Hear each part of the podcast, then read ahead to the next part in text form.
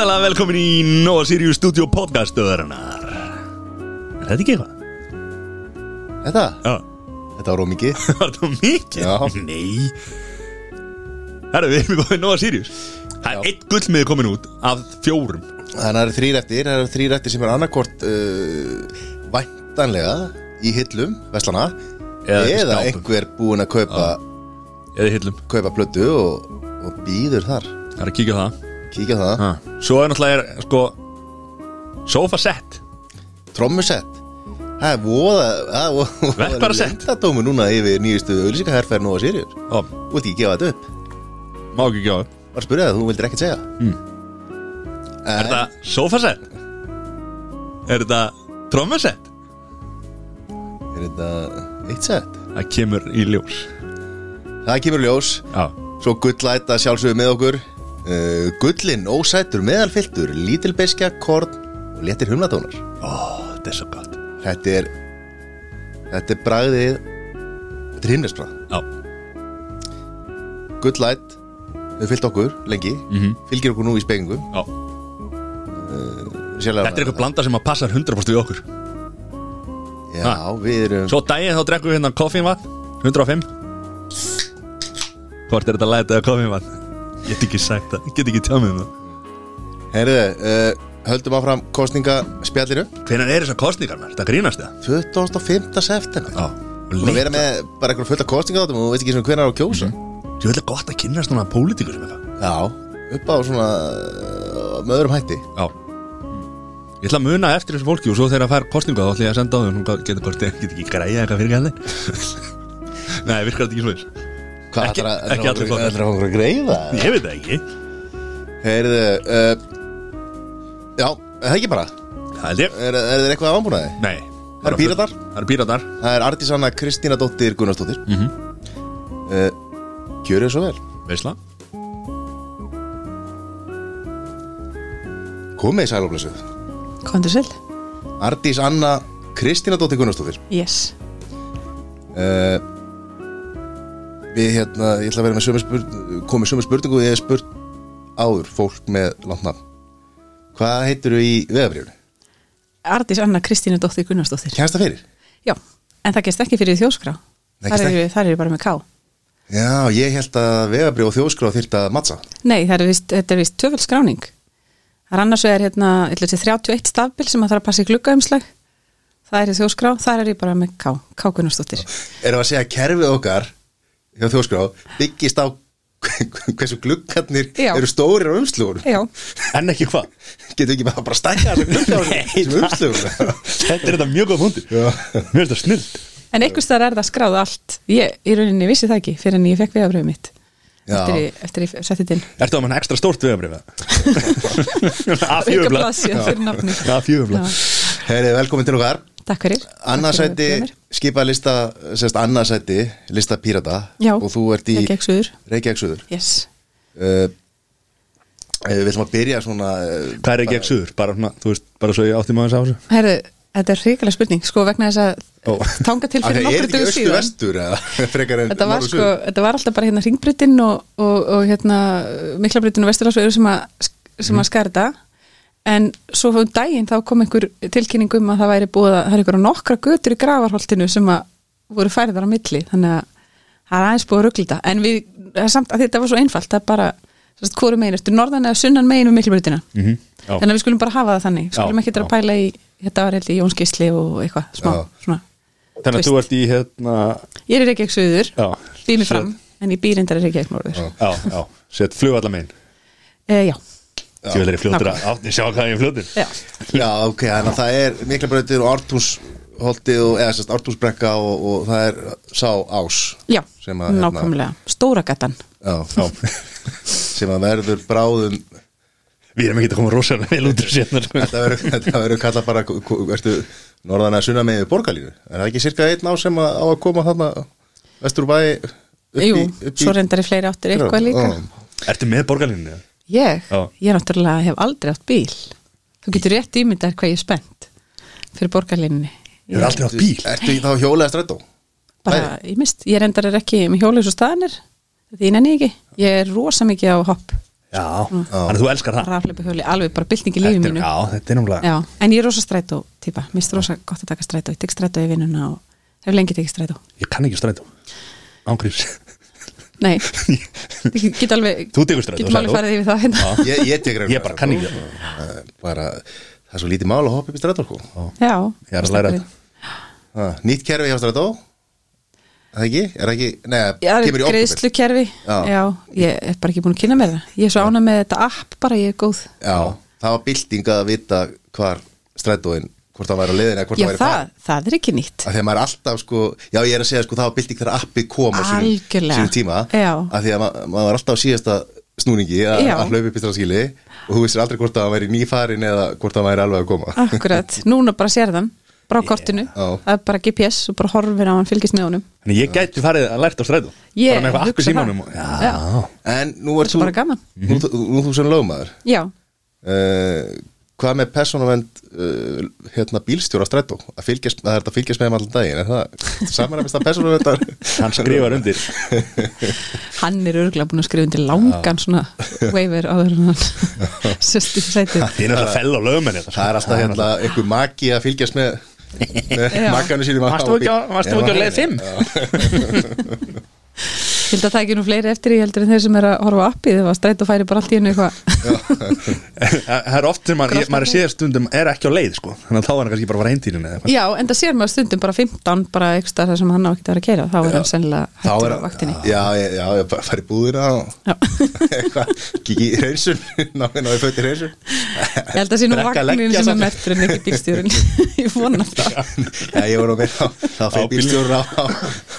er ekki já, hefur laugavegin að að hoppa í eina búð Já, stræt og skuttlaði mér nú einu svona heim þegar ég var úrlingur, þá hérna var það síðastæðilegin hann spurði bara, hvað hva gutt áttu heim í? og ég sagði honum svona reynda næstu guttu við hliðina og það var í hlíðunum hann að barmarhlíðið og það, hann bara gerði þar, bara skuttlaði mér heim á stóra gulla. Guli limmin eins og við kvöldum Já, ég segi líka alltaf bílstjóra minn. Bílstjóra, ég reyndi að gera sjálf. Heyrðu, ertu þá, ertu þá uppalinn í hlíðunum? Nei, ekki bara. Ég var í sex grunnskólum. Ég til allt saman. Uh, Ég var samt ekki í hlíðaskóla. Ég var í hlíðaskóla í fimm daga Hátekskóla í tvær ykkur En hérna Fimm daga og tvær vikur. Ég vildi alltaf fara aftur í árbæðaskóla og var, sest, ég var sest, eh, flutti í árbæðin 13 ára og byrjaði það í árbæðaskóla og leiði það vel þar að síðan þegar ég flutti í hlíðarnar þá vildi ég halda fram í árbæðaskóla í tvígang. Já, Svo hef ég búið í Húsavík og ég er, sest, ég er ættuð úr Híðinsfyrði og frá Komstanga en er lengst að bjóði í Kópói. Sest, fyrsta til sjötta bekk var ég í Digræniskóla í Kópói. Svo bjóði ég í Dreigafjöllum tvö ár, var þar í barnaskólanum á skóum eins og hann hétt þá. Og þannig að já, þetta er svona ár smá mix. Ég er 82, 1982. þú ert einu ára eldri ég og við varum saman í skóla Já, Héraðsskóla. Blessaður Ég aldrei þá var maður kannski ekki alveg með dörmaður afganga. við maður leiðir þetta á pírata síðunni. Það stendur á sett fætt 83 og skrifa það mér leiðir þetta pírata. Var eitthvað vitlega saman?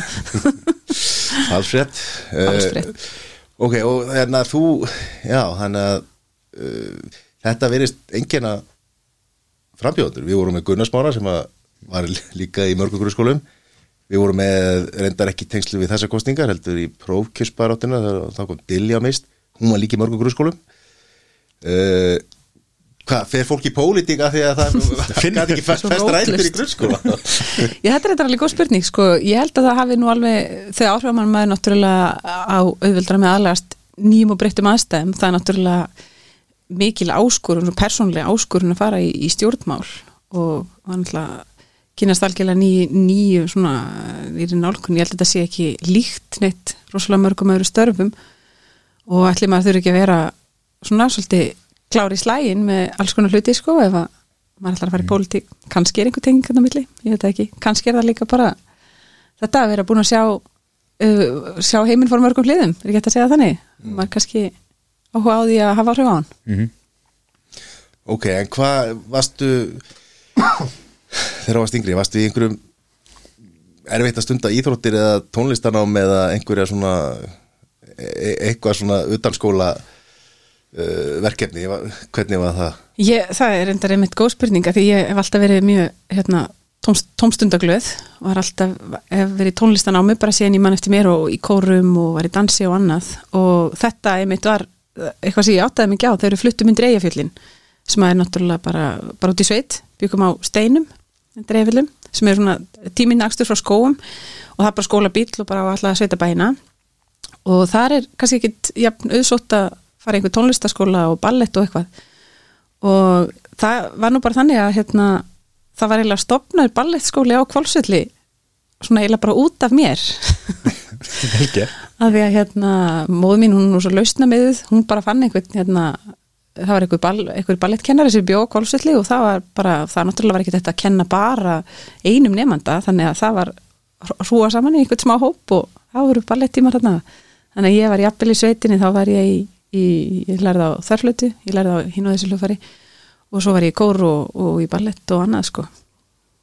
Vel gert. ja, maður bara finnur lausnir. Já, já, og voru þið þá með, voru þið þá með dýr í setinni? eh, ekki, ekki við sérst á okkar húsi sérst uh, stjúpapi minn sérst er þaðan eða sérst fóraldrar hans búið hann á steinum og voru þar með allt saman, voru með ær og kýr. En við byggum bara í húsi. Og stjúpa minn átti reyndari hesta. En móðu mín sem sagt uh, hún rak ferðarþjónustu á skóum í alveg nýju ár, líka eftir að við fluttum í burtu. Þannig að það var svona eitt hennar helsta við lifibrauð, en svo var hún líka eitthvað þannig á annað þannig að það er eitthvað eitt að finna að gera sko. Hvað ertu gömul hana? Hvað séru? Hvað ertu gömul hana? Þannig er ég uh, 12 11, 12, 13 ára geggja að vera í sveitinni og samt í ferðarþjónustu og eitthvað svona bara æðislegt sko, algjörlega æðislegt ferðarþjónustan var sérst í uh, Fossbúð sem er sérst félagsemilega á skóum bara þarna undir skóafossi sem að maður fyrir upp til þess að fara fimmurðhálsin þannig að við vorum með hérna alltaf saman tjálsvæði, vorum með gistingu og veitingastaf annað og svo að áslega gaman. Og svo bara ég vann hann alltaf á sumrin og svo í hátegisleginu þá bara lappaði maður hálfan fimmurðhálsin skoðaði fossa, borðaði næsti sitt ekstra þetta er alltaf algjör draumur sko. Já, það gleymir svolítið. Hvað er gott að búa út á landi? mér fannst það aðeinslegt sko, mm. búi sveit.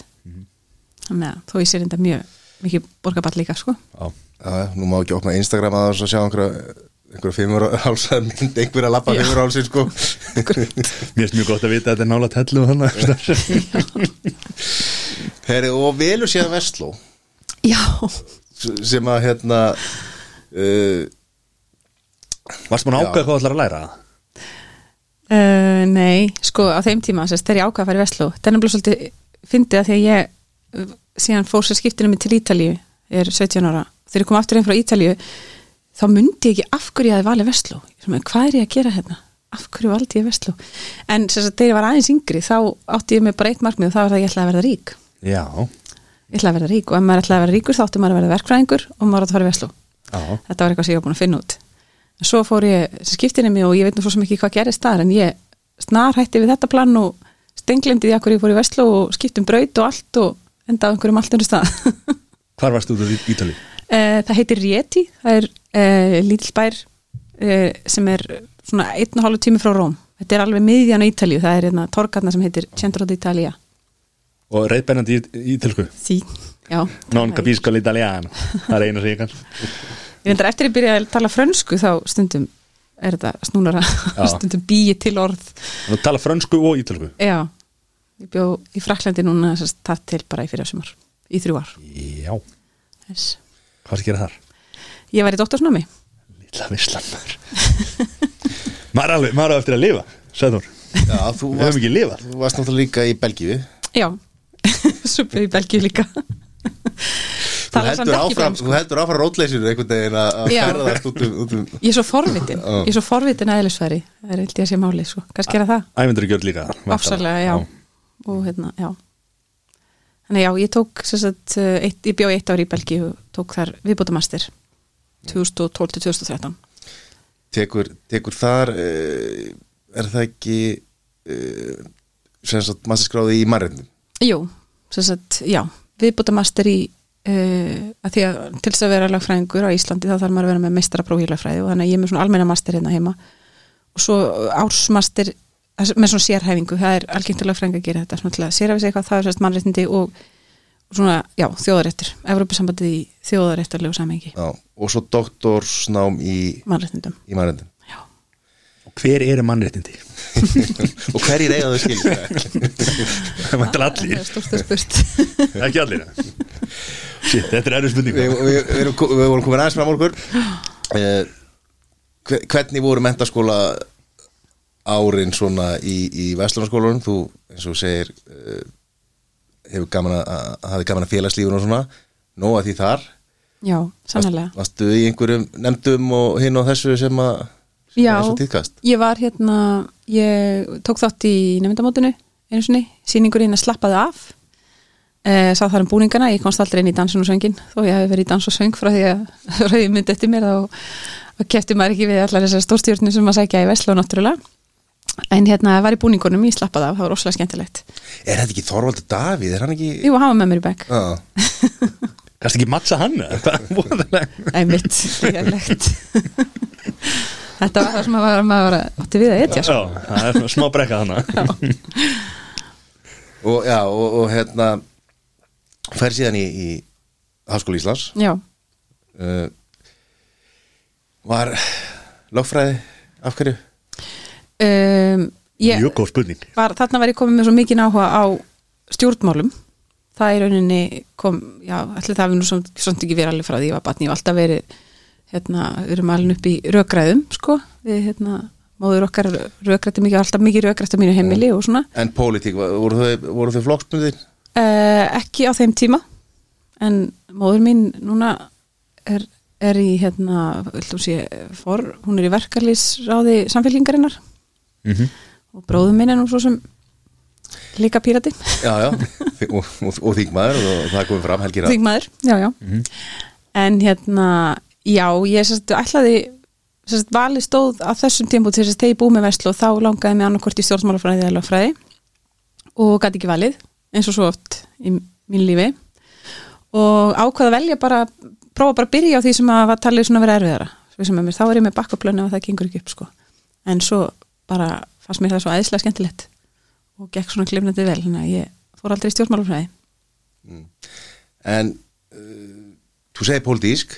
Já, Þú tókst átt í starfi ungra jafnamanna á sínum tíma eða ekki? Jú, uh, Er uh, heilluðu píratendir í meina heldur en að halda áfram í, í, í samfélgingunni? samfélkingu, já, engi spurning þetta var einmitt eitthvað sem ég þyrst að spurja mig að þegar ég fór að láta mig detta það í huga að skipta mér á pólitík aftur.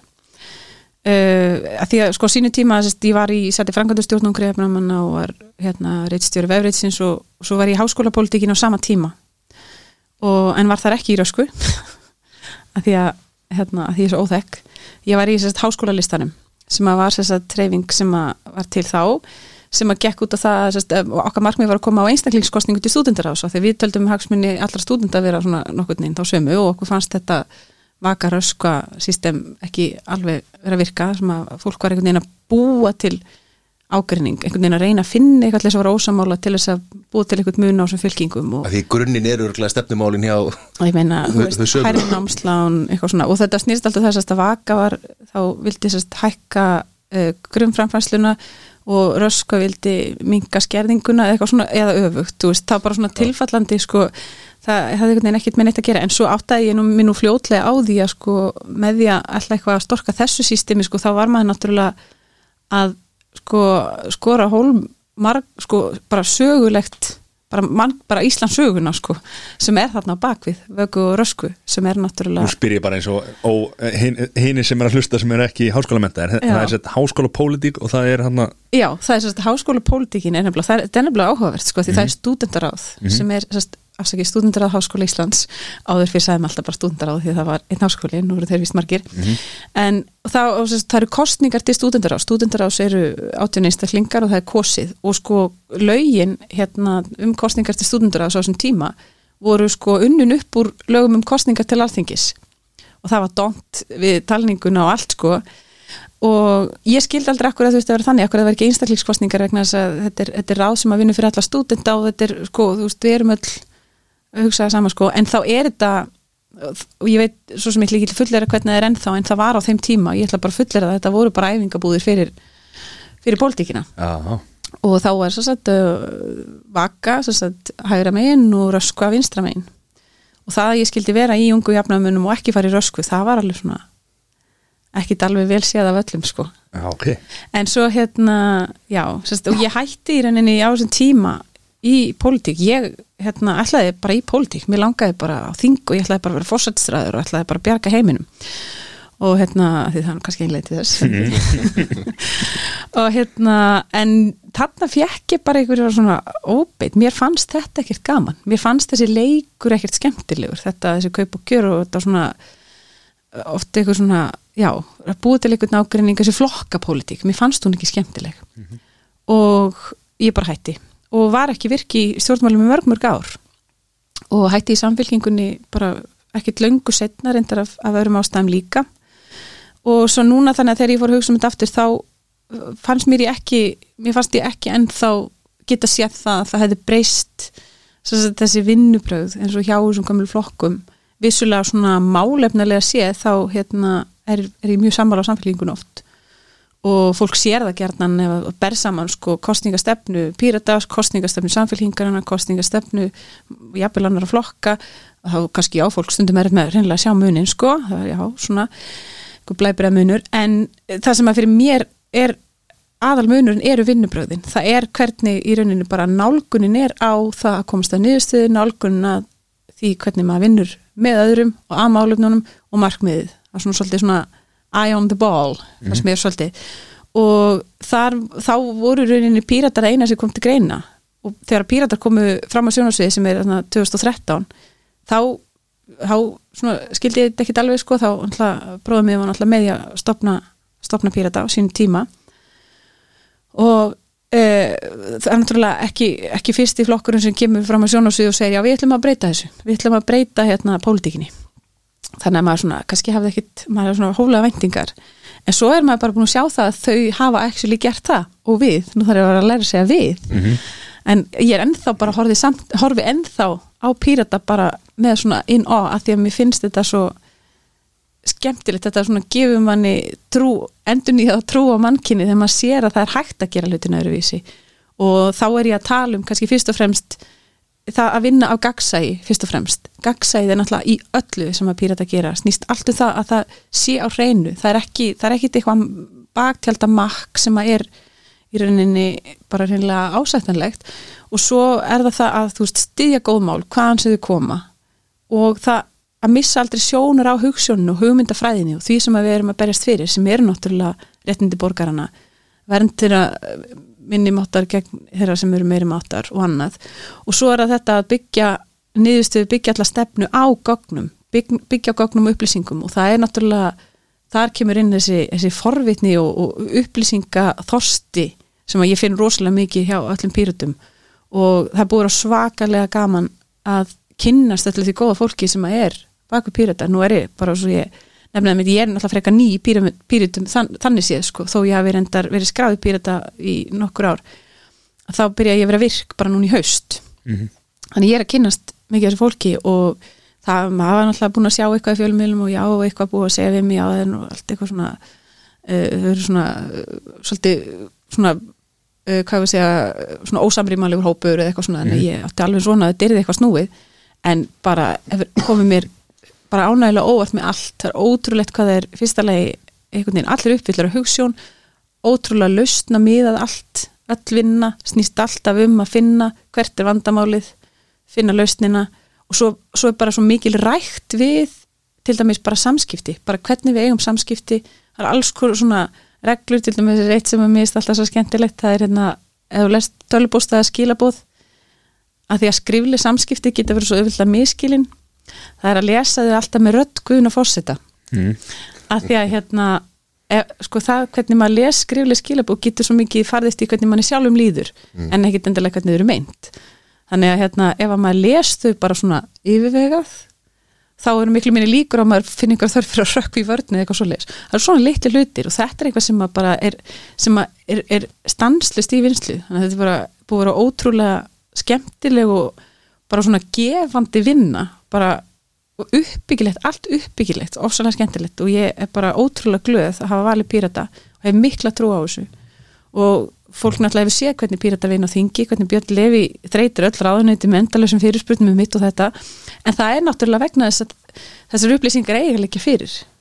Og stundum spyrjum spurninga í rauninni fyrst og fremst til þess að vekja aðtikla á því að þessar upplýsingar leik ekki fyrir. Og þeir eiga að vera aðgengilegar og annað að því að til þess að geta tekið rétt ákvörðin þá verðum við náttúrulega að hafa réttar upplýsingar. En að það er svona þetta, já, þetta er svona ástæðan fyrir ég valdi pírata. Verða, verða jólabóðin þung í ár þegar mamma þinn að þú valdir, valdir bróðin frekar en samfling móðin og samflingingura sko, mamma er nú allt, allt í lagi sko, það sem að það sem að stundum hitnar í kólunum sko, það er náttúrulega eiginkona bróðum í svona ynga þau eru, þau eru sko mínu besti vinnir í, í lífinu og heiminum sko, við erum ótrúlega náinn hún er í samfélkingunni líka. Já, hún er nú ok. bara hreinlega á lista hjá samfélkingunni Já, hún er auðvitað, ég bara tengd hann alltaf við pírita, mér finnst það svona að vera einhvern veginn lista fyrir pírita Nei, en hún ætti, náttúrulega að vera það. Já, ég segi það bara hér, og- hér og nú.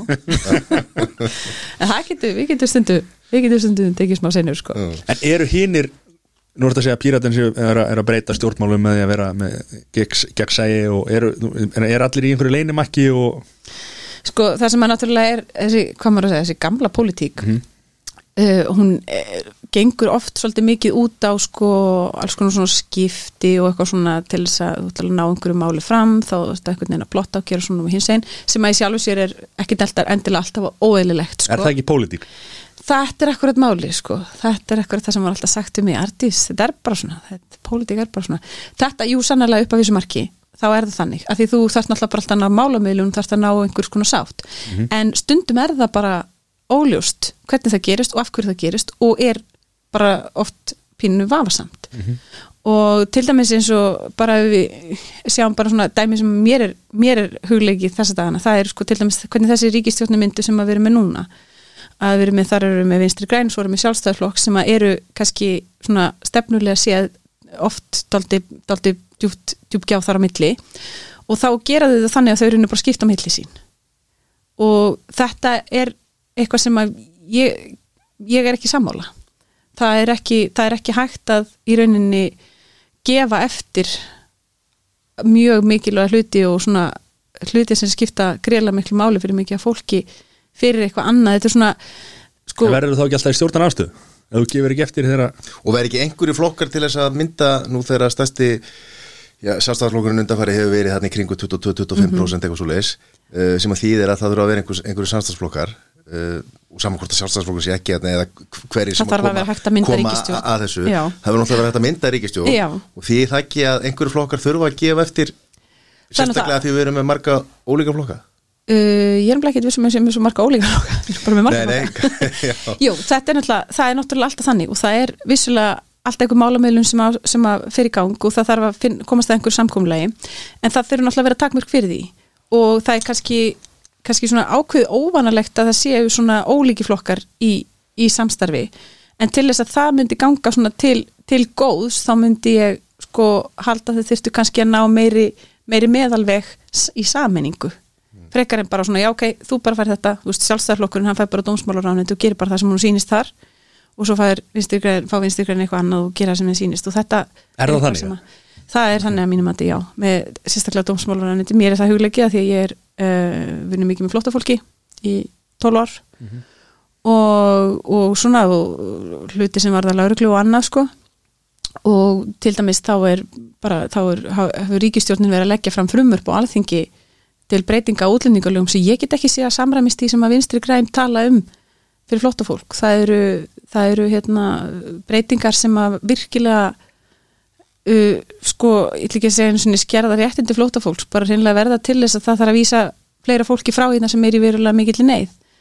Og svo þá eru ráður af afki bara, þau standa bara þögul, já, þegar þetta er gert. Og sjálfstæðarflokkurinn bara leggur þetta á borð fyrir þingið og einhvern veginn kemst upp með það og ég er ekki, ekki sammálað þessum vinnubröðum og já, Móti kemur náttúrulega Vafki hefur fengið umhverfisráðandi og helbriðisráðandi en samt ekki ná þeim markmiðum sem að þau stemdu að, þannig að það er en það er nú kannski ennur umræð, ég ætla ekki að fara ekki að fara út í ekki að fara út í það núna.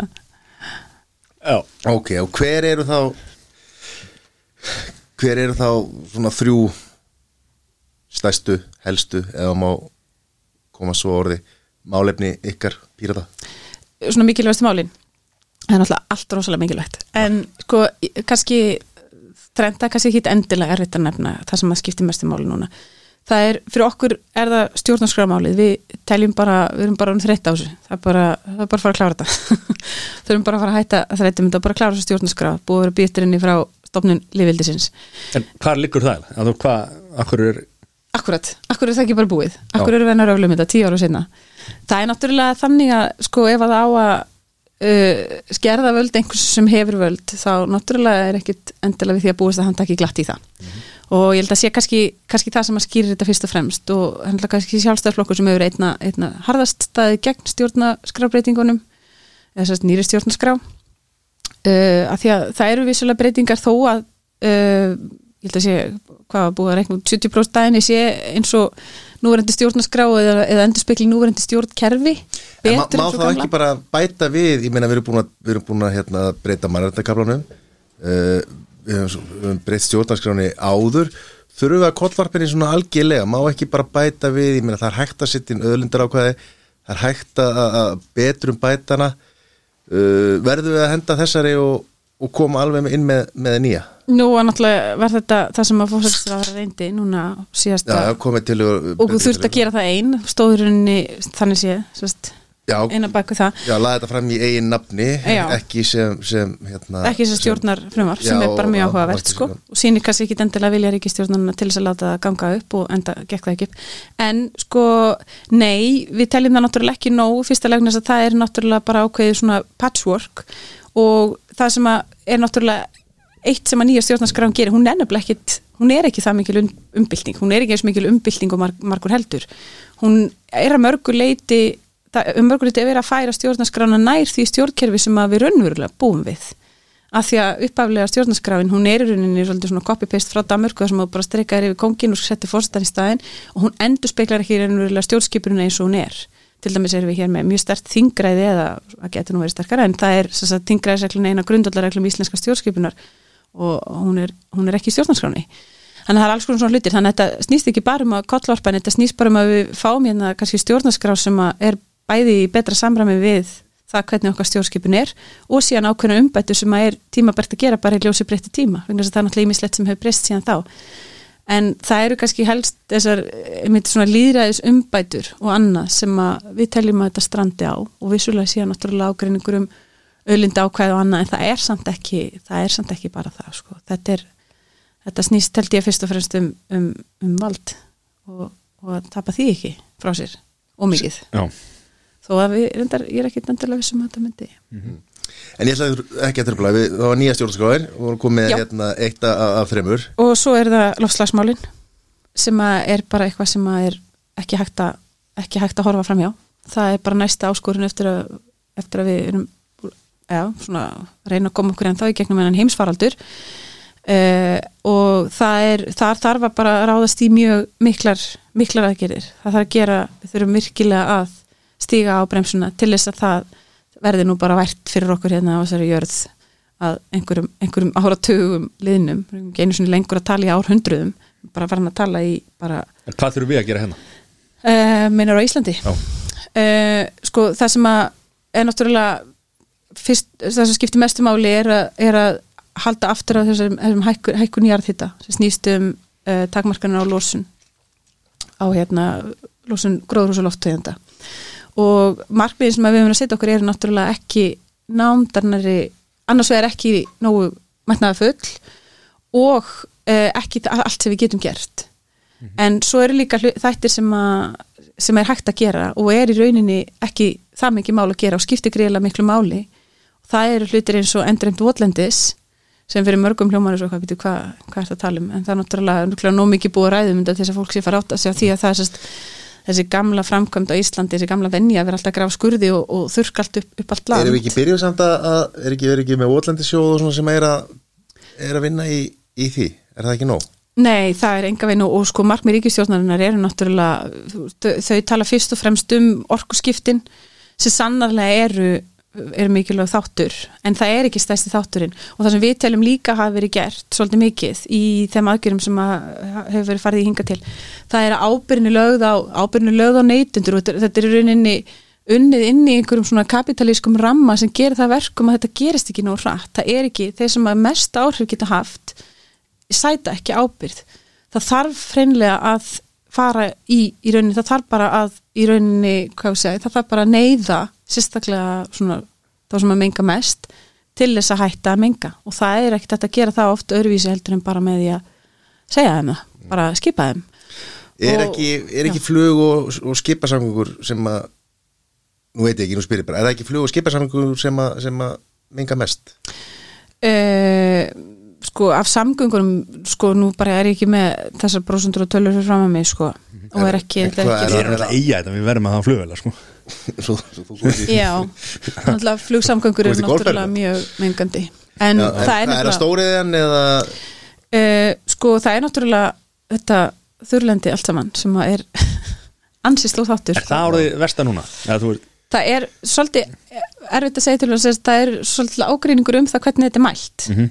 en þar er spurningin samt svo hvort þetta sé uh, hvort þetta sé langstæsti þátturinn eða bara lang eða bara, sérstaklega hvort sé lang langstæsti þátturinn eða bara langstæsti þátturinn. Þetta, er- þetta er mjög flókja því að, og það er rosalega erfitt átt að sjá því þessu, sko, já, skurður já, hann mengar svo mikið, sko því að það var- er búið að grafa skurði til þess að ræsta land til þess að vantarlega fyrir hérna, sem beiti landi eða já. til hérna uh, stólum græ, rækta Ræ- rækta. það og, og hérna skapa hei og annað úr því kortna eða hvað sem það er uh, en svo er að myndast einhver staðar þá í skurðunum eða í landinu er að myndast einhver efni sem að leysast síðan upp og eru mjög mingandi Það- Þetta er ekki bara í skurðunum, er rauninni, það verða þarna breytingar á lífrikinu sem að verða til þess að það losnar rosalega mikið gróðrúsloftegundum. En nú er ég ekki heldur sér frá einhverju þessu. Ég var að vota Nei, ég ætla ekki að þykjast. Það farið í einhverja lífindafræði þessu. Og þriði, hvet ég mallaði þessi á skurð. Var ekki þriði Það var ekki eitthvað þrennt. Jú, nú Já. þriðja málum Þriði þátturinn eru, eru umbreytingar á efnaðaskerfinu sem að við erum náttúrulega sem að, það- það er breytingar sem að er að verða sem að við stjórnum ekki sem eru lofslagsbreytingar og aukin sjálfvirknivæðing kalla á það að við hugsum hlutina bara algjörlega upp og nýtt. Til dæmis þá vitum við það að aukin sjálfvirknivæðing mun sem sagt, í ákveðnum geirum sérstaklega á, á næstu árum og þetta er eitthvað sem að er ekki háðin einn í stefnu eða annað, þetta er bara, þetta er bara þannig sem að tímandir eru að þróast. Framtíð og síðan eru lofslagsbreytingar líka að hafa áhrif á, á, á störf og annað og bara efnaðskerfið eins og að leggur sig. Og til þess að bregðast við þessu þá þarf í rauninni að sko endur skipulegja efnahagskerfi. Þannig að til dæmis hinga til þá hefur í rauninni er alltaf þetta, það er alltaf verið að tala um hagvöxt, hagvöxt og hagvöxt. Hagvöxt í rauninni, er, þar er í rauninni bara verið að mæla sko hversu mikið þjóðaframleiðslan ykst og hún bara aukast og aukast og aukast út í hjóendalega og þetta sé svona eini mælikverðin á það hvernig er að búi að, að, að, hversu gott samfélagið er og annað. En við teljum hennan mælikverða skadlegan út einan og sér. Þetta er vissulega, þetta er mælikverða sem skiptir máli en þetta er ekki það sem skiptir mestu máli vegna þess að þetta segir ekki til um þetta segir ekki allar söguna um það hversu gott samfélagið er, hversu gott er að búa hérna og hversu, hversu gott við höfum það.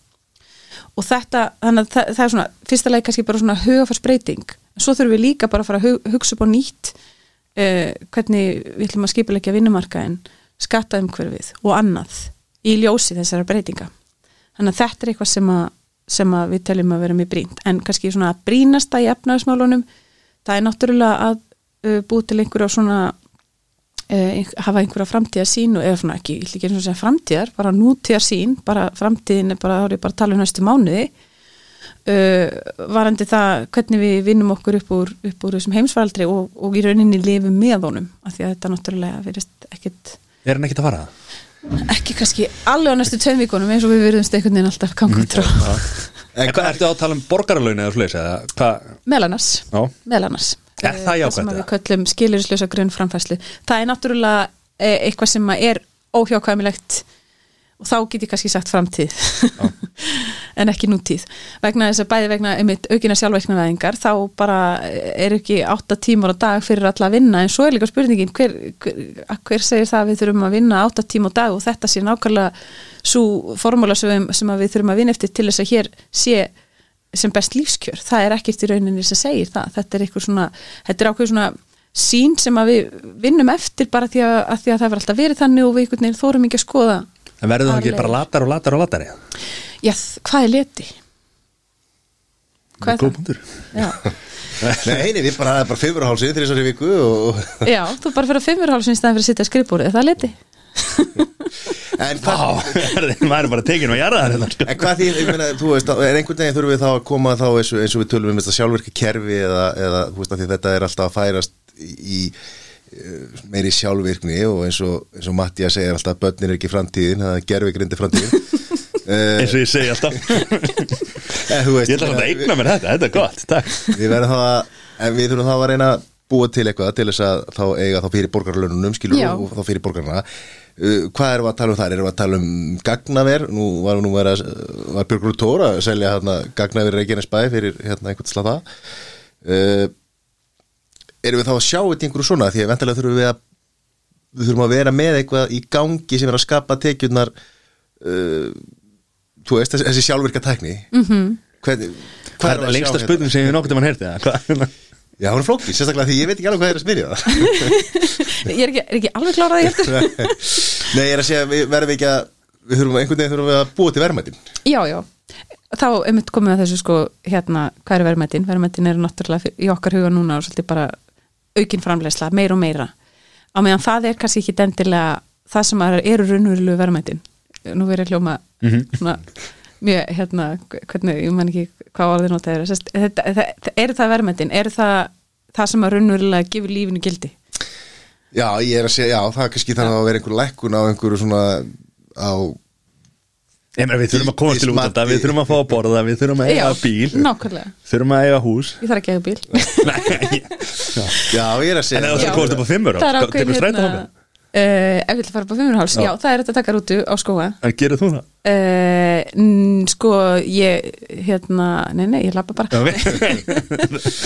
Já, við, en við þurfum það að það vera einhver hugafarsbreyting, þú veist, nú get ekki allir átt og Maggi og Vasan þá og, og eitthvað svona, sko, þú veist. Ég er ekkert sem að margir sér svo lágt sko, það þurfa kannski ekki allir eiga þyrlu þurfum ekki, ja, nei, þurfum ekki breyta þá einhvern veginn uh, hegður á mistrinu og einhvern veginn bara hvernig við lifum lífinu. Ég er ekki vissum að við þurfum að breyta því með einhverju þingunum, ég held að þau bara breytist. Það bara breytist sjálfkrafa, það er náttúrulega þegar fólk vinnur minna þá eh, kannski hefur það meiri tíma til að gera það sem að gefur lífinu raunverulega gildi sem að er, einmitt, hva- hvað er það sem skiptur okkur mestu máli þegar upp í staði er það um að gjófa sinn eða er það samverða með fjölskyldinni, njóta hreitna náttúru og annað slíkt?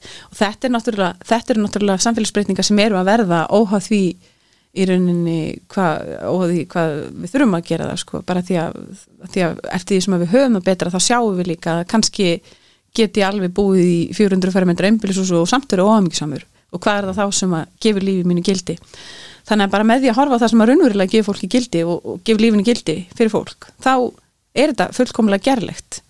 Og það er ekki, það er ekki þörfa á þessum, þessum stanslösa hagvexti þessari auknu framleiðslu til þess að við getum öll lifað þannig lí, lífi sem að gera okkur hamingjusum það þarf ekki að eiga fimm pör af sömu skónum Mattias.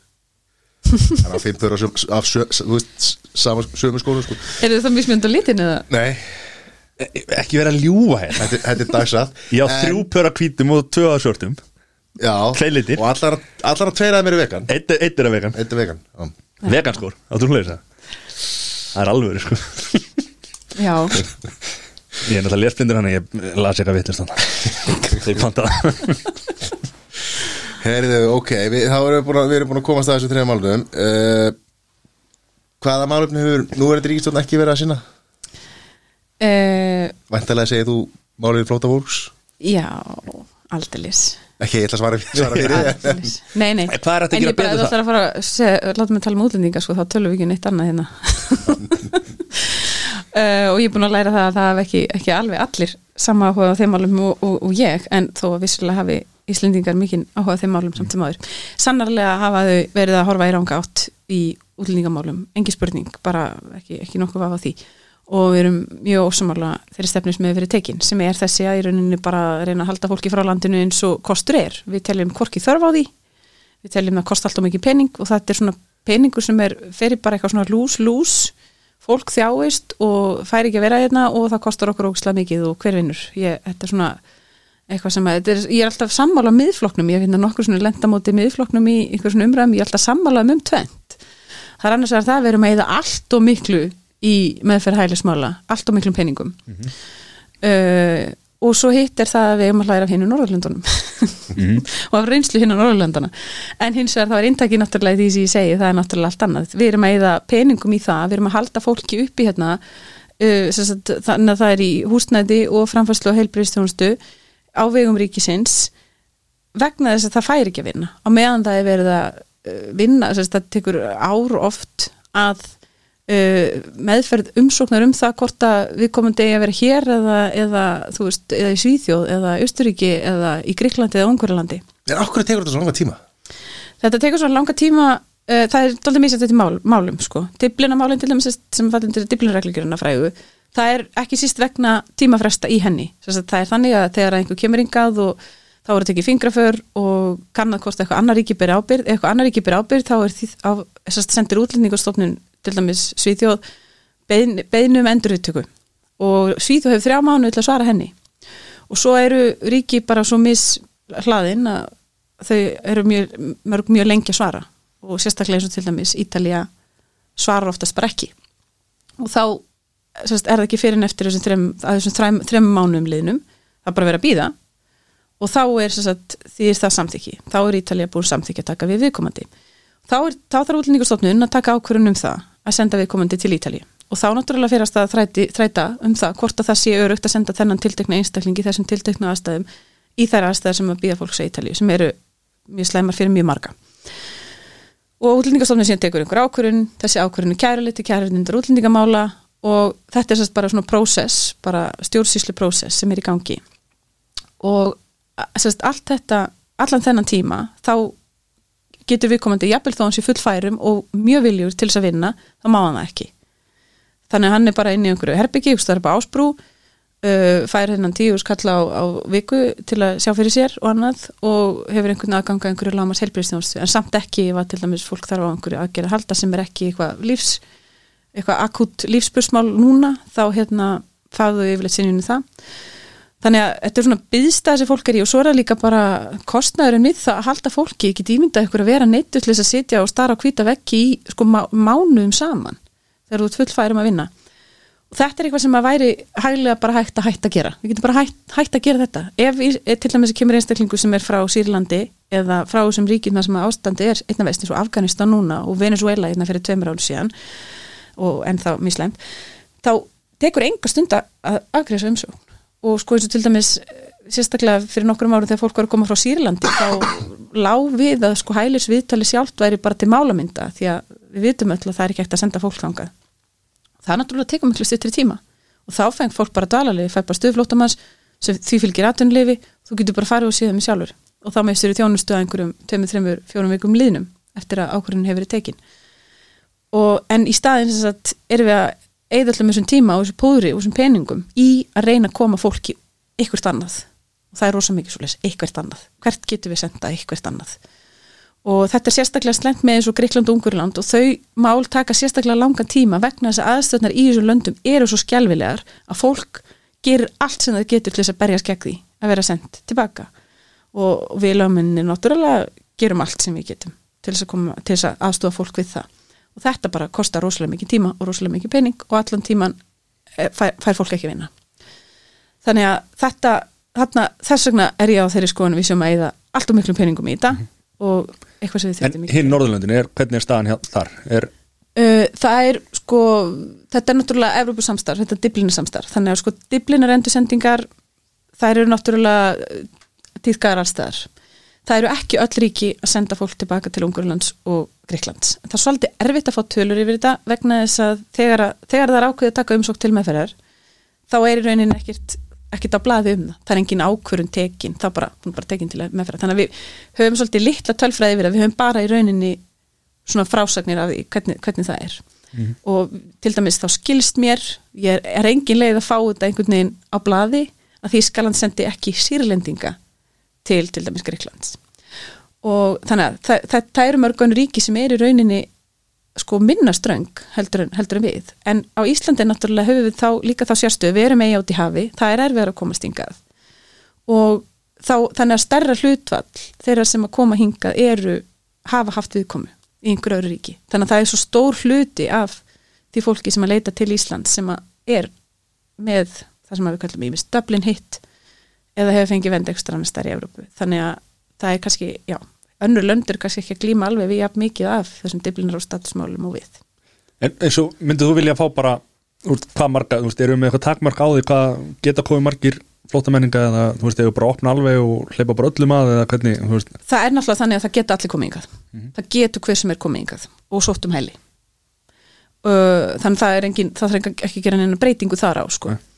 Uh, það sem að ég myndi vilja gera strax er hætta að senda til Gríklands og hætta að senda til Ungurlands bara vegna þess að þetta er ekki það er bæ- bæði, bara vegna þess að það er ekki fólk getur ekki verið þarna. Það er þá bara fólk sem er kemur þaðan. Já, eða sem sagt, þetta er sagt, í þeim, þeim ríkjum þá er það fólk sem er búið að fá stöðu flóttamanns í þessum löndum. Já, já, og að því við erum, við erum ekki að senda þarna okkur undir í Dublin, það er sérst fólk sem er ekki búið að afgriða umsóknina, það Mhm. er ekki send en að það búið að afgriða umsóknina þá er fólk send sem að skýtur ótrúlega skökku við vegna svo oft versnar staða fólks eftir að það komið með hæli af því að þá er það bara, nú ert þú að sjá því sjálfur þá farið hver ekki vinnu, þá farið hver ekki mat þá farið hver ekki helbriðstjónstu, af því þú farið ekki vinnu af því þú farið ekki kennitölu og annað. Þannig að uh, það er, svona, það er líka tvískinnungur í því hvernig við erum að framkvæmda. Við erum til dæmis ekki að senda neitt Dublin til Ungurlands og Greiklands það er ekkit, það er kom ekkit einhver holskepla af fólki sem var búið að fara þar í gegn þó að við höfum ákveð að gera þetta og það eru ofnbærar upplýsingar.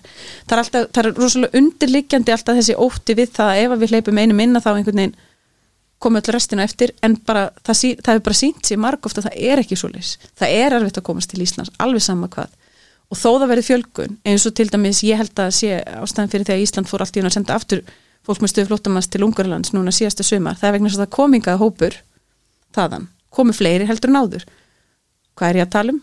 er ég að tala um 300 manns? Nei, þetta eru bilinu 10-20 manns sem komu og þá bara fyrir allt í panik og öllu skellt í lás og byrjaði aftur að og, og, og framkvæmdini breytt þannig að það er verið að vísa þessu fólki burtu sem áður var ekki gert síðan 2018 þannig að það er þessi ótti við holskeflun hann er ekki til staðar. En því sögðu þá vil ég líka segja það að sko við erum fyrstulega alls ekki komin á þann stað. Við þurfum að vera að hafa einhver ágjöruninu fjölda. Það er alls ekki þannig.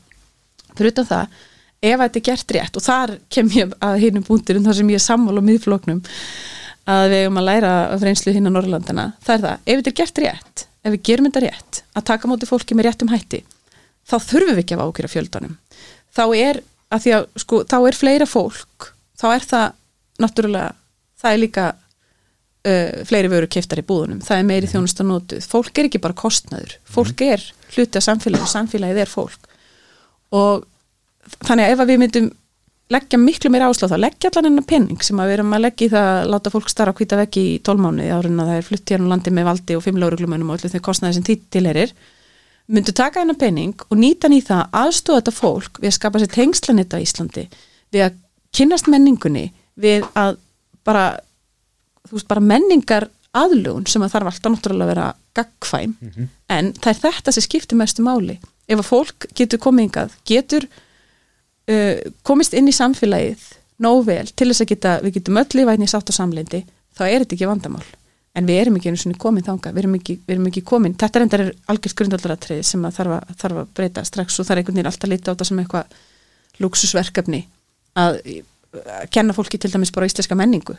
Það er ekkert, fólk kemur og meira sér sko þegar ég var að byrja í þessu 2000 og, þetta er 2009 sem ég er í þessu fyrst þá fekk fólk bara dvalið og skýrtinni og gjör svo vel strætt og skiljaði þarna.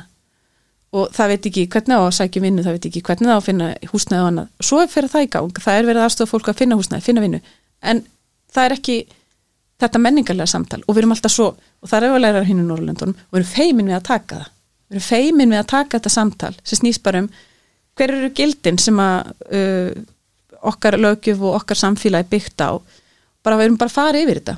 Af því að fólk náttúrulega vill búa í samfélagi í friði og sátt, það vill geta verið virkur þáttakandi og til þess þurfustundum við þekkjum öll sko sem að höfum flutt erlendis.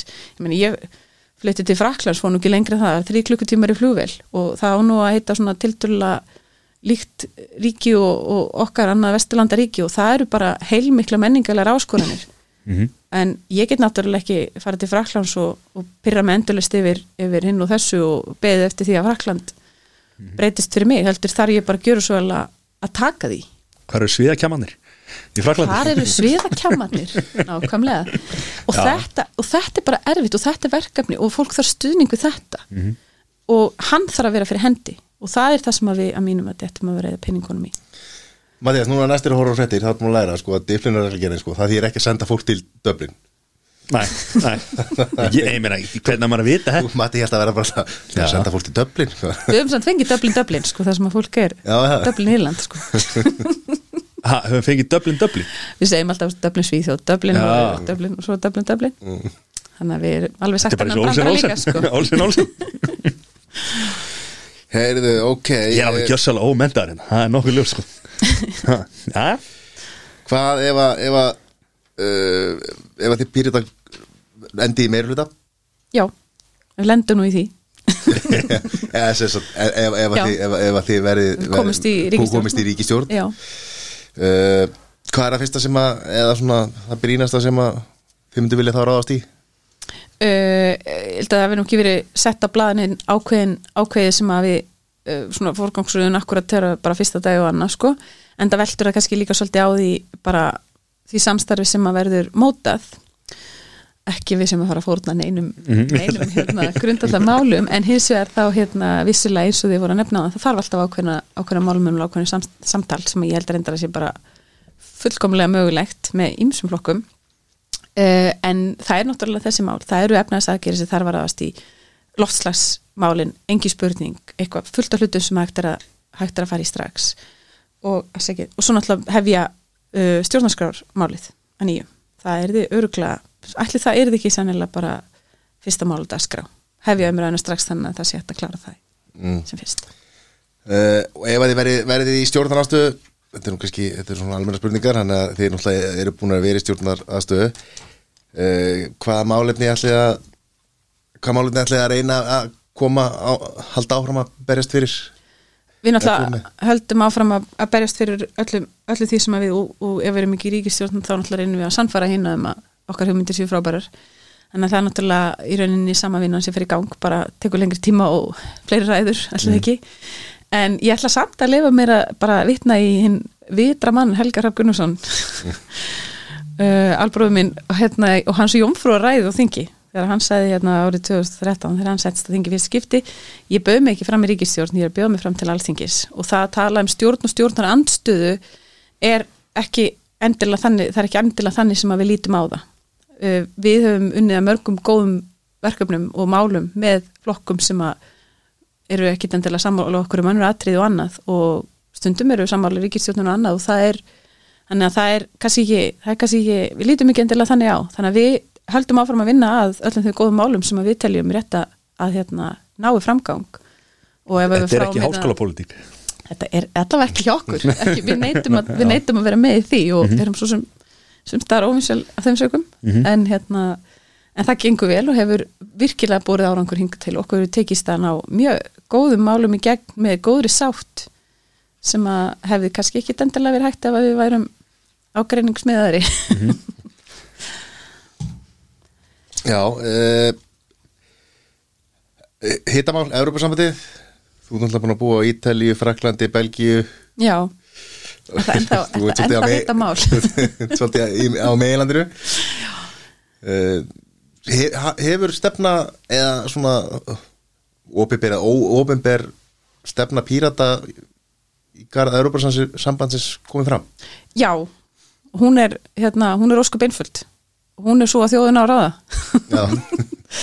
Bara Þjóðin á að taka þjóðaratkvæðagreiðsla um, um það. Já, og bara að þjóðin hafi aðkomu að þessari umræðu, að þeirri vinnu, að því öllu saman. Það sé unnið bara 100% í samstarfi við þjóðina, sé ekki eitthvað sem við ákvaðum og berum síðan undir þjóðina, heldur að það sé bara í samræð, samræð, samræði við þjóðina og samræði við hennar vilja. Já, Hver- og þá það? tvöföld þá fyrst um hvort að ég fari í viðræðar og þá síðan endalega verður þetta það er náttúrulega svona rosalega mikil vinna sem að fer fram löngu áður en að þetta kemst að það stig og þar myndi skipta svo miklu máli að involvera þjóðuna líka í, sérst að því það er náttúrulega alltaf þegar ríkingur í Europasambandi þá, þá er gerður svona samningur.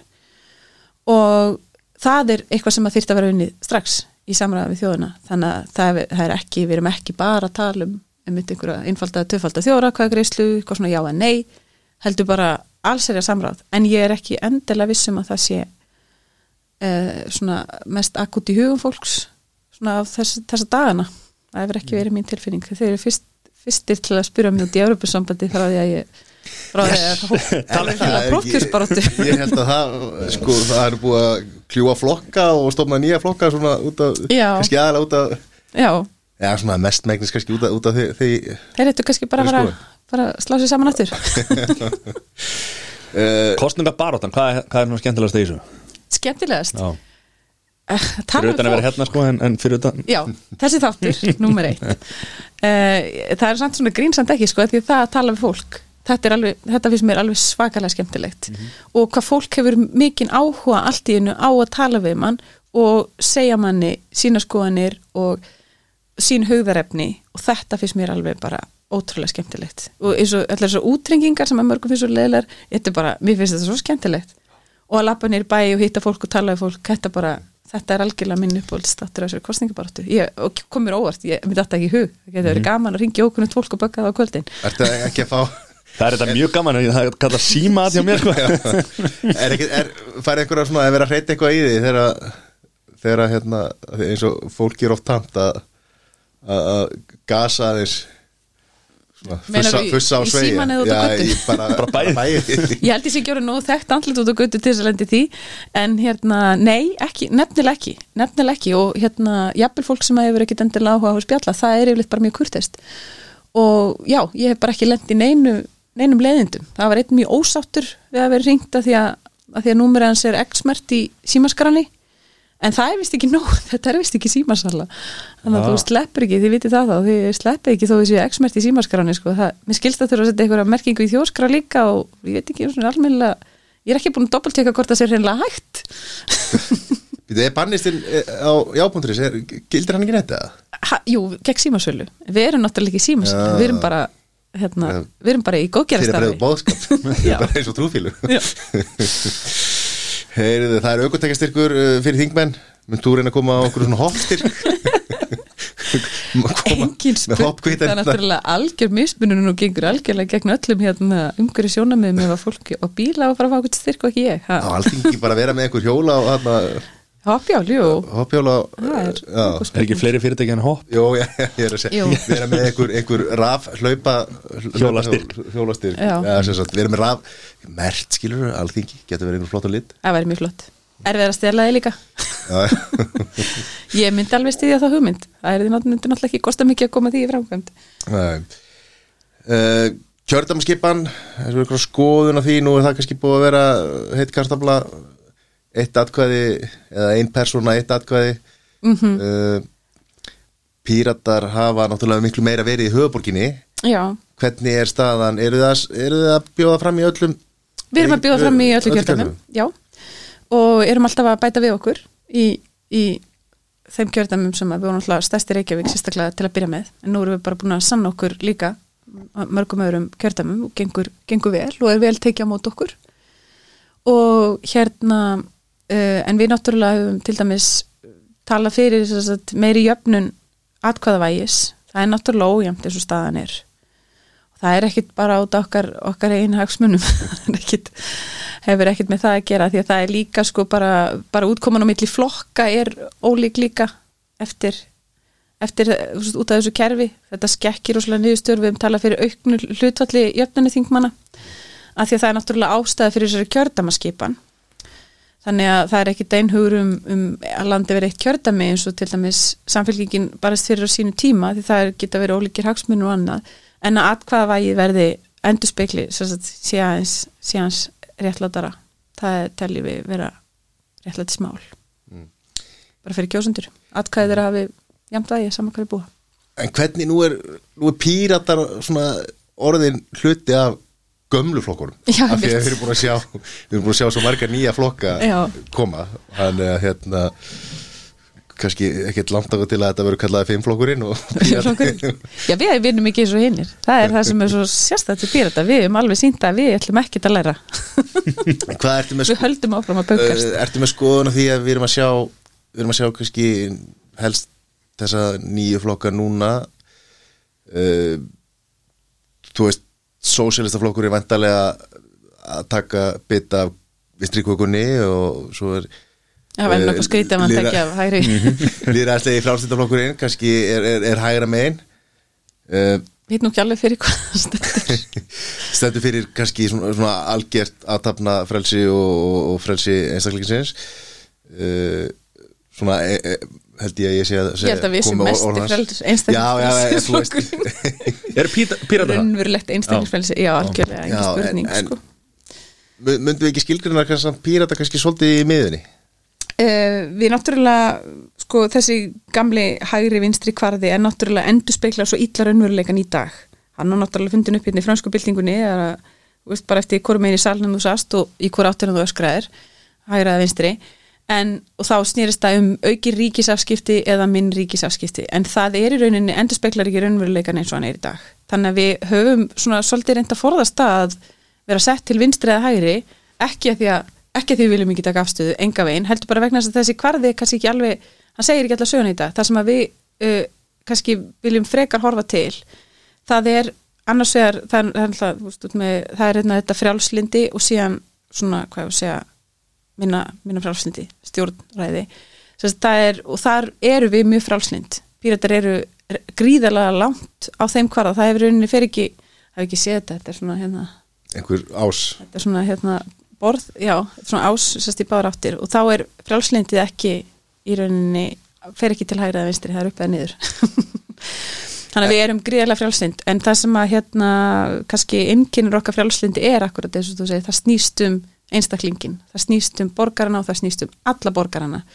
Það snýst ekki bara um frelsi auðvaldsins og frelsi fyrirtækjana heldur heldur um bara raunverulega um fólkið. Og mannrendi og borgarréttindi eru náttúrulega það sem að við algjörlega og þar ef, að, ef að við ætlum að fara að tala um frjálsund og stjórnlindi þá erum við mjög hægri sinnu en þetta er náttúrulega ekki hægri.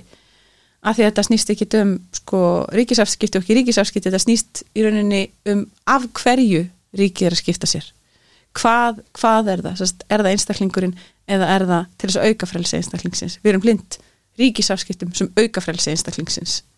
Þannig að þetta er, þetta er í rauninni kannski svolítið erfitt að tala um hægri vinstri í dag.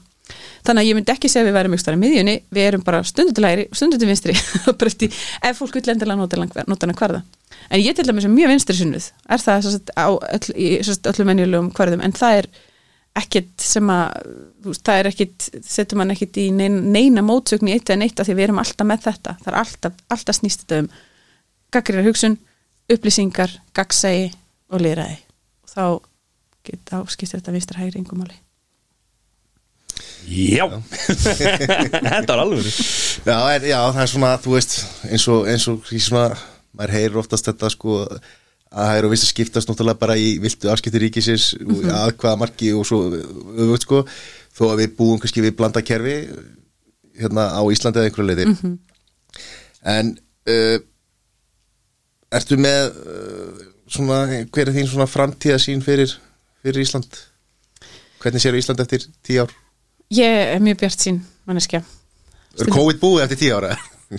Uh, hvort sem það verður búið eða ekki, þá held ég að við verðum alveg fullkomlega í stakk búin til þess að takast á við það. Og það er náttúrulega, ef við erum komið með hérna nógu öflugt heilbrískerfi sem að getur, sem að getur bara tekið við öllum þeim áföllum og gæti hérna, eh, gæti díla við rútuslis jafnvel þó að það sé heimsfjöldur í gangi.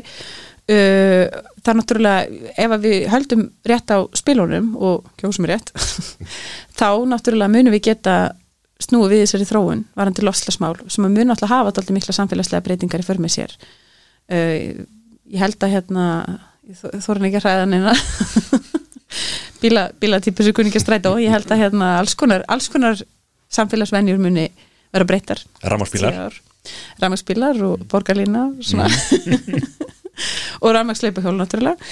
Og alls konar, alls konar svo hluti. Ég held að við munum horfa mjög breyttan breytta tíma, ég held að við erum með stýttri vinnutíma og, og meiri tíma fyrir það sem að málu skiptir eftir tíu ár. Uh, núna í COVID vantarlega hefur gengið vel hjá píratum að, að takast á við það því að maður tengi pírat alltaf svolítið við svona internet og, og gagsæði sko að því að einhvern veginn þannig ko komu pírata Já, fram að sjóna sér jú, jú, mikið rétt, uh, Tím, Teams fundir áður en að Teams var til sko. algjörlega. Já, eða, eða Zoom að því að saman Já, já, Eh, en, en, en sko svona spurning sem að þú veist, af því að ég, ég hef tengt píratar við, við svona, ekki internet byltinguna heldur svona internetið og, og það er svona kannski eins og þeir eins og það byrtist fyrst í Svíþjóða það ekki þegar píratar þar uh, koma fram í koma fram í sjónum hvernig er, er sín ykkar á þessum risum? Google, Facebook, Apple uh, Amazon. Var þetta spurningin? Já, tö- tölvu tækni resum sem að eru stærstu fyrirtæki í heiminum. Þarna einmitt kemur, kemur þið inn á þetta með vinstra hægur og ríkisaskiptin hérna. Ríkið þarf að grípa inn í Amazon. Þar sem að hérna þar sem að sko uh, hvað var að segja uh, svona markarsöflin fá að fara algjörlega frálsum höndum og þegar það er ekki ekki í rauninni búið að setja leikreglur varðandi svona hluti þá býður tæknin náttúrulega upp á alls konar alls konar bara mjög slæma þróun varðandi aðgengi að, að gögnum og annað. Og eins og til dæmis sko í bandaríkjunum við náttúrulega alltaf í vandræði með uh, þessi internetfyrirtæki sem að heyra undir sem að eru staðsett í bandaríkjunum og heyra undir bandaríska lögjöf vegna þess að þar má eiginlega segja að uh, stjórnvöld hafi ótakmarka heimil til þess að afla persónuupplýsinga um einstaklinga og þessar persónuupplýsingar sem við erum komið með sem er, er segja, fræðilegt aðgengi að með öllum þessum samfélagsmiðlum og öllum þessum uh, internet samskiptum og hvað, hvað, allt það þær eru svo ofbóðslega miklar ofbóðslega persónulegar, það má eiginlega segja til dæmis, og ég segja stundum svona í grínu alvöru að Facebook veit meira um þig heldur en þú sjálfur vegna þess að við gleymum við gleymum alls konar hlutum. Ég veist, hafi ekki lendið veist, að poppar upp einhver póstufræði fyrir nýjan og síðan og þið munu ekkit hvað þið voru að tala um. Einhver status sem segir yes, frábært. Tvær aukur Tvær aukur sem ég Ekki nýja ár en og, en, en það, þetta er allt einhver staða til. Og þar náttúrulega sko, er náttúrulega ekki hægt að sérstaklega engaðilar og, ekki heldur ríkisvaldi hafi einhvern óheftan aðgang á öllum þessum persónu upplýsingum þannig að þetta eru áskorunum, þetta er sannlega einu af ástafunum fyrir því að píratar verða til. Það er vegna þess að okkar regluverk og bara allt okkar kerfi er ekki að halda í við þessa þróun og þennan breyta veruleika. Þar erum við náttúrulega, leggjum við gríðarlega mikla áherslu á vernd persónu upplýsinga uh, og, og allt þetta sem að þessu snýr, öryggi persónu upplýsinga og annað. Þannig að það er þar eru ímis verkefni að vinna og þar þarf að halda daldi, daldi hérna fastum taumana og þó að Evrópusambandi, þar hefur Evrópusambandi verið að standa sig ansi vel og setja nokkuð stífa persónuvendalögjöf Já, sem að fólk taldi bara óraunhefa en svo bara er hún raunaf svo bara er þetta alveg hægt. Og bandaríkjan segja en það er ekki hægt og berjast, á, berjast með kjátt og klóm. Hefur ekki lendið í það, er einhver síða maður fyrir nákvæmlega sölu síðu eða kom bara eitthvað, nei, sorry, þú veist í Evrópu, persónuvendalögjöfun er á sterklega sem ég geti sínt þessa síðu og svo bara færði ekki að fara inn á hana.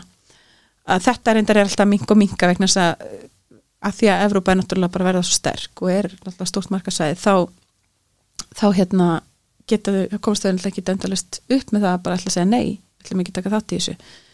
En þetta segir manni líka það hvað hérna, úps, hvað hérna uh, þessi fyrirtæki eru að krefjast mikilvæg persónuupplýsinga bara til þess að þú getur gefti ból hérna. þannig að þetta er allt miklar áskoranir þar sem að við stöndum stífa vaktina og er sannlega mikið sem að mikið sem það er að gera og passa upp á. Þetta er alltaf orðið alveg svolítið skeri sko. Já, og maður ekki segja eitthvað og síminu læstur eða eitthvað, maður segir eitthvað og svo bara þegar maður er á Facebook og þá bara kemur auðlýsing já, akkurat. Já, já, það veit engin hvernig það virkar. Nei. maður heldur alltaf að sé, sko, já, þú veist maður heldur alltaf að sé verið að njósta um sig og það var alltaf sagt að sko, Súkeberg Er Súkeberg sko er búin að setja límiða yfir, yfir myndavélina og hérna Já, já. það gera Á það flesti píratar. Er það? já, Já. ekki það tölvur í dag eru með Já, litlu svona- plast sem getur rent fyrir. Já, það, hérna, já, já, engi spurning og maður setur hérna líka límið á aftan á tölvuna þannig að hún skildi vera opnið og annað, það er alveg, það er, þetta er ekkit eitthvað, þetta er engin vænisíki þetta er límið engin aftan á líka eða Æ, það er svona, líka fyrir í dítel svona innsikli nú, nú á skildi? Hvað, einhver opnar hana annar en þú eða? Já, ekki sem sagt tölvun sjálfa aftan á. Þetta er, þetta er, þetta er, ég ætla ekki að vera Nei, Já, er það alveg að opna hana bara skrúin í sundur og opna hana þannig? Já. Já, En hins vegar þá hérna þá eru þess að þessar ágjur sem að þeir með þessu þegar að tala um hérna þú veist, það séu alltaf, mann man finnst alltaf að vera fylgstamann mann og annað, þetta er þetta er bara svona. Þetta kemur sér stundu vel sko, ef maður er að leita einhverju vöru. Það er nefnilega máli, svo installa maður einhverjum brásir sem að, hérna einhverju vafra sem að það sem er eng, safna yngum persónu upplýsingum og þá þegar þú ert að leita að einhverju þá finnur aldrei þess að þú ert að leita. Er, að er ekkert að fá einhvern brásir sem að Já, nú man ekki eins og hvað það heitir sko. það eru til, það eru til vafrar sem að sem sagt, eru algjörlega svona hafa ekki, taka ekki svona Já, sko, Vívaldi, hann hérna Tensner, hann vil meina að hann sé ekki saman upplýsingum og er að bera skegna þessum stóru vöfrum Já. Svo náttúrulega til þetta dark web, ég veit ekkert hvernig það virkar en, en, en Dark web? Darknet eða web eða eitthvað uh, og svona, en þetta er svona þú veist, en við erum svona að etja kappi og ofrefli sem að þessir stóru risar eru, Google og, og, og Facebook og, og svona en uh, sískin ha, erum við að sjá ykk- hafa verið sískin á, þing- á þing áður að Já, já, já, já. Er það, Uh, svona kannski eftir minnlæst það eru náttúrulega ekki í sama flokknum. Það eru hérna Valgeir Bjarnadóttir og Björn Bjarnason já, sem voru þá, sérst já á öndurum meði í, í pólitík. Og svo var nú búið að tella þetta allt upp fyrir mig sko því það er búið að hérna, margir sem hafa hási sérstaklega svona eldri, eldri stjórnmálamenn sko. Já. en ég verð nú bara að játa það að ég hérna, man ekki alltaf upptellinguna en þetta við erum alls ekki, alls ekki, ekki Stengur með Jóð og Jóhanna Sigurðardóttir. Þau eru sískinu, við vissum bara ekki það.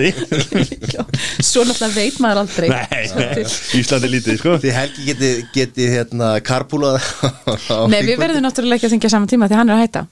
Já, hann er búin að ákveða þetta Já, En hann ætlar að halda áfram í pýritum Já, já. Já, já, hann er alveg, alveg. Hann er að vinna steipstöð, var að vinna steipstöðinu ekki? Var það ekki? Nei, þú ert Nei, auðvitað Jón Þór sem var Jón malbygginu Já, Ah, nei, Helgi er fórhundari ó, þetta er svo að segja, ég man ekki um að tværi ykkur allir í tíman sko. Það er forritar, ætlar hann að fara að vinna það bara? Veit það ekki. Nei. Er ekki nei, ég ekki við sem að sé komið á reynd Mhm. Nei. En við erum svo, við erum svo free spirited hérna, Já, fjölskyldan. Það er það Við erum bara það sem okkur sýnist. Er það ekki? Já, pínum henni Heyrðu, en er þetta þá samt að frímarkjum? uh, Nei. Þetta er ekki hún að þessu svari. Ég yfir Þú varst grimm að safna það? Nei, ég veit hann ekki. Ég, safnaði, ég var rosa safnari, ég var krakki. Var alltaf æskan hérna Barnablaðið þarna var Alltaf við safnarar Og maður skiptast það Svo drasli, meðast alltaf rosa gaman. Ha, var- varst að skiptast á Já, þá sendi maður sko í pósti Einhver frímerki og fekk servéttu tilbaka Eða ykkur ósköpin sko. Þetta var alveg Áttur þá pennavinni menningar alla- hými sem ég held að sé bara horfin. Já, Já, pennavinni út um allt og já, Já, það er alltaf horfið að því að það, þú veist það bara já þetta hætti að vera gaman sko þegar þetta var ekki lengur skrifa breys. Maður átti svona einhver tíma þarna, framan af internetbyltingunni sko því er nú það gömul. Þá hérna átti maður eitthvað svona e-mail pennavinni það er ekki það sama það er eitthvað við það að fá eitthvað bref sem að bara En það er óumhverfisvænt. Það er óumhverfisvænt. Það er mjög óumhverfisvænt. En varst aldrei smegum að væri bara einhver einhver einhver gammalt kallatna baku eða senda aldrei datt manni það nú í hug.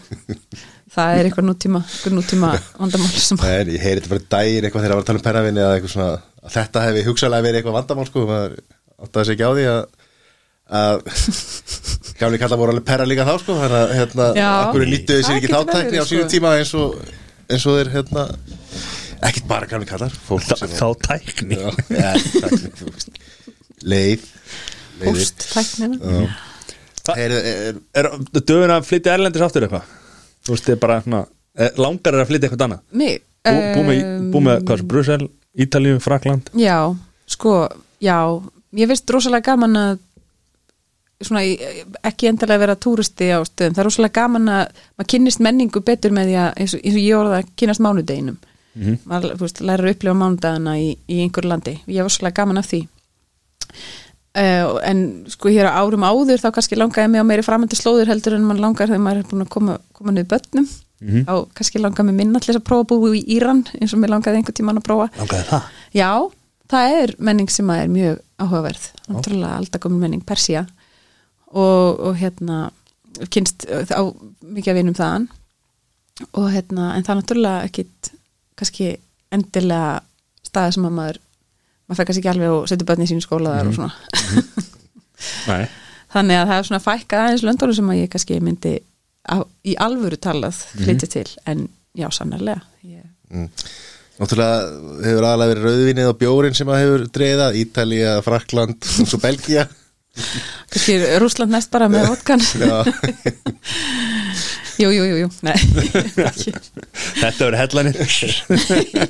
Akkurat. Heyrðu, eitthvað- Hvað áttu mörg börn? Já, tvö bönn, Tvö börn? Eitt 14 ára og eitt 20 ára. Já. Já. svo þegar loksist þegar þetta fór að vera þægilegt þá einhvern veginn sér maður afstöðlega svo byrja á byrjunaritt ég veit ekki hvernig mann detti það en þá er ég allavega að koma með barnapíðin og svo. Já. Já, það er ágætis aldur spil já, 12 ára milli Ég var enda að hugsa þetta Hvað var þetta mörg ár? já, Heyrðu, eitthvað sem að, eitthvað sem að þú vilt svona koma með að lókum henda inn í, inn í smásinn nei, ég get endilega, þetta er bara mjög skemmtilegt spjall. Bara mjög gaman að koma til ykkar. Og, og ég mun bara fara að hlusta á þátt, ég er ekki nótulega að hlusta podcast yfir höfuðin, þetta fer á listan Mhm. held ég núna, Það er alltaf gott að vera í strætó Hlusta podcast. Akkurat. Að labba, Hlaupahjóli. Raflaupahjól, rafmakslaupahjólinu Þetta er hættulegt. Ta talandu, talandu strætó sem var eitt fyrirtæki sem að fór að berja skegn risum þegar strætó appið var með hlaðvarps möguleika, ég veit ekki hvort að sé það, ég er einhvern veginn að kíkja á það, sko. Var að berjast við Apple og Google já, hlá, á hlaðvarsmarkaðinu sko. Já, Soldil brekka fyrir strætó að fara að berjast við við Já. þessa risa sko. sannarlega, en nú er samt Og Spotify. þarna Storytel sem er íslenskt fyrirtæki, það stendur nú bara Er það ekki sænskt fyrirtæki? Er það uppalega sænst? Það er Já. svo mikið af íslensku mögulegu Já, ég held að það sé sænst og byrjaði bara við útibú hérna á, á Íslandi sko. Já, það gengur mjög mikið að íslensku efni. Mhm. Já, alveg ótrúlegt og búið að setja, ég held að þeir eru búin að kaupa réttin að mörgum gömlu lesnu efni eða sem sagt, já, upplesnu efni og se- setja inn sko, þannig að það er bara líka barnasögur og barnabækur og Já, þetta er náttúrulega mikil breyting hérna því að á eins og Audible og audiobooks.com þá er náttúrulega mjög takmarkað efni á íslensku ef nokkuð sko. En auðvitað eins og sérstaklega fyrir börn og annað þá vil maður íslensk, íslenska íslenskt efni og náttúrulega íslenska bókmyndur og annað. Þannig að það er ekkert ómögulegt fyrir fóreldra að beina börnunum sínum í, í góðu sögurnar heldur á YouTube Kids þar sem að það er einhverju krakkar að opna pakka allan daginn og, Já, Ertu fastið það? og þau heimta pakka líka. Jú, jú, svona minnum mitt hann er gaman að horfa á bílana. Bílana þá var hann svona myndbönda sem að börn er að leika sem er bíla. Og svo vill hann fá bílinn sko. Já, Já. Þetta er, ekki, þetta er ekki alveg að sama sko. Nei, nei. Þetta er bílinn, langa bílinn. Það ert þú að fara, kaupa bíl. Já, það er Já, ekki já, það næstu Það er ekki þetta að segja nei, ekki í dag. Ekki. Við bönni Heyrðu, Artís Hanna Kristínar Dóttir Gunnarsdóttir. Já, Takk kærlega fyrir komuna. Takk Gangið kærlega vel í, í, í frambóðinu og, og hérna, í kostningunum 2005. takk fyrir það, Hvetjum alltaf til að mæta á kjörstað. Endilega. Uh, og, og kjósa. Algjörlega, engin spurning. Heldur betur, takk hjá fyrir. Takk sem leiðis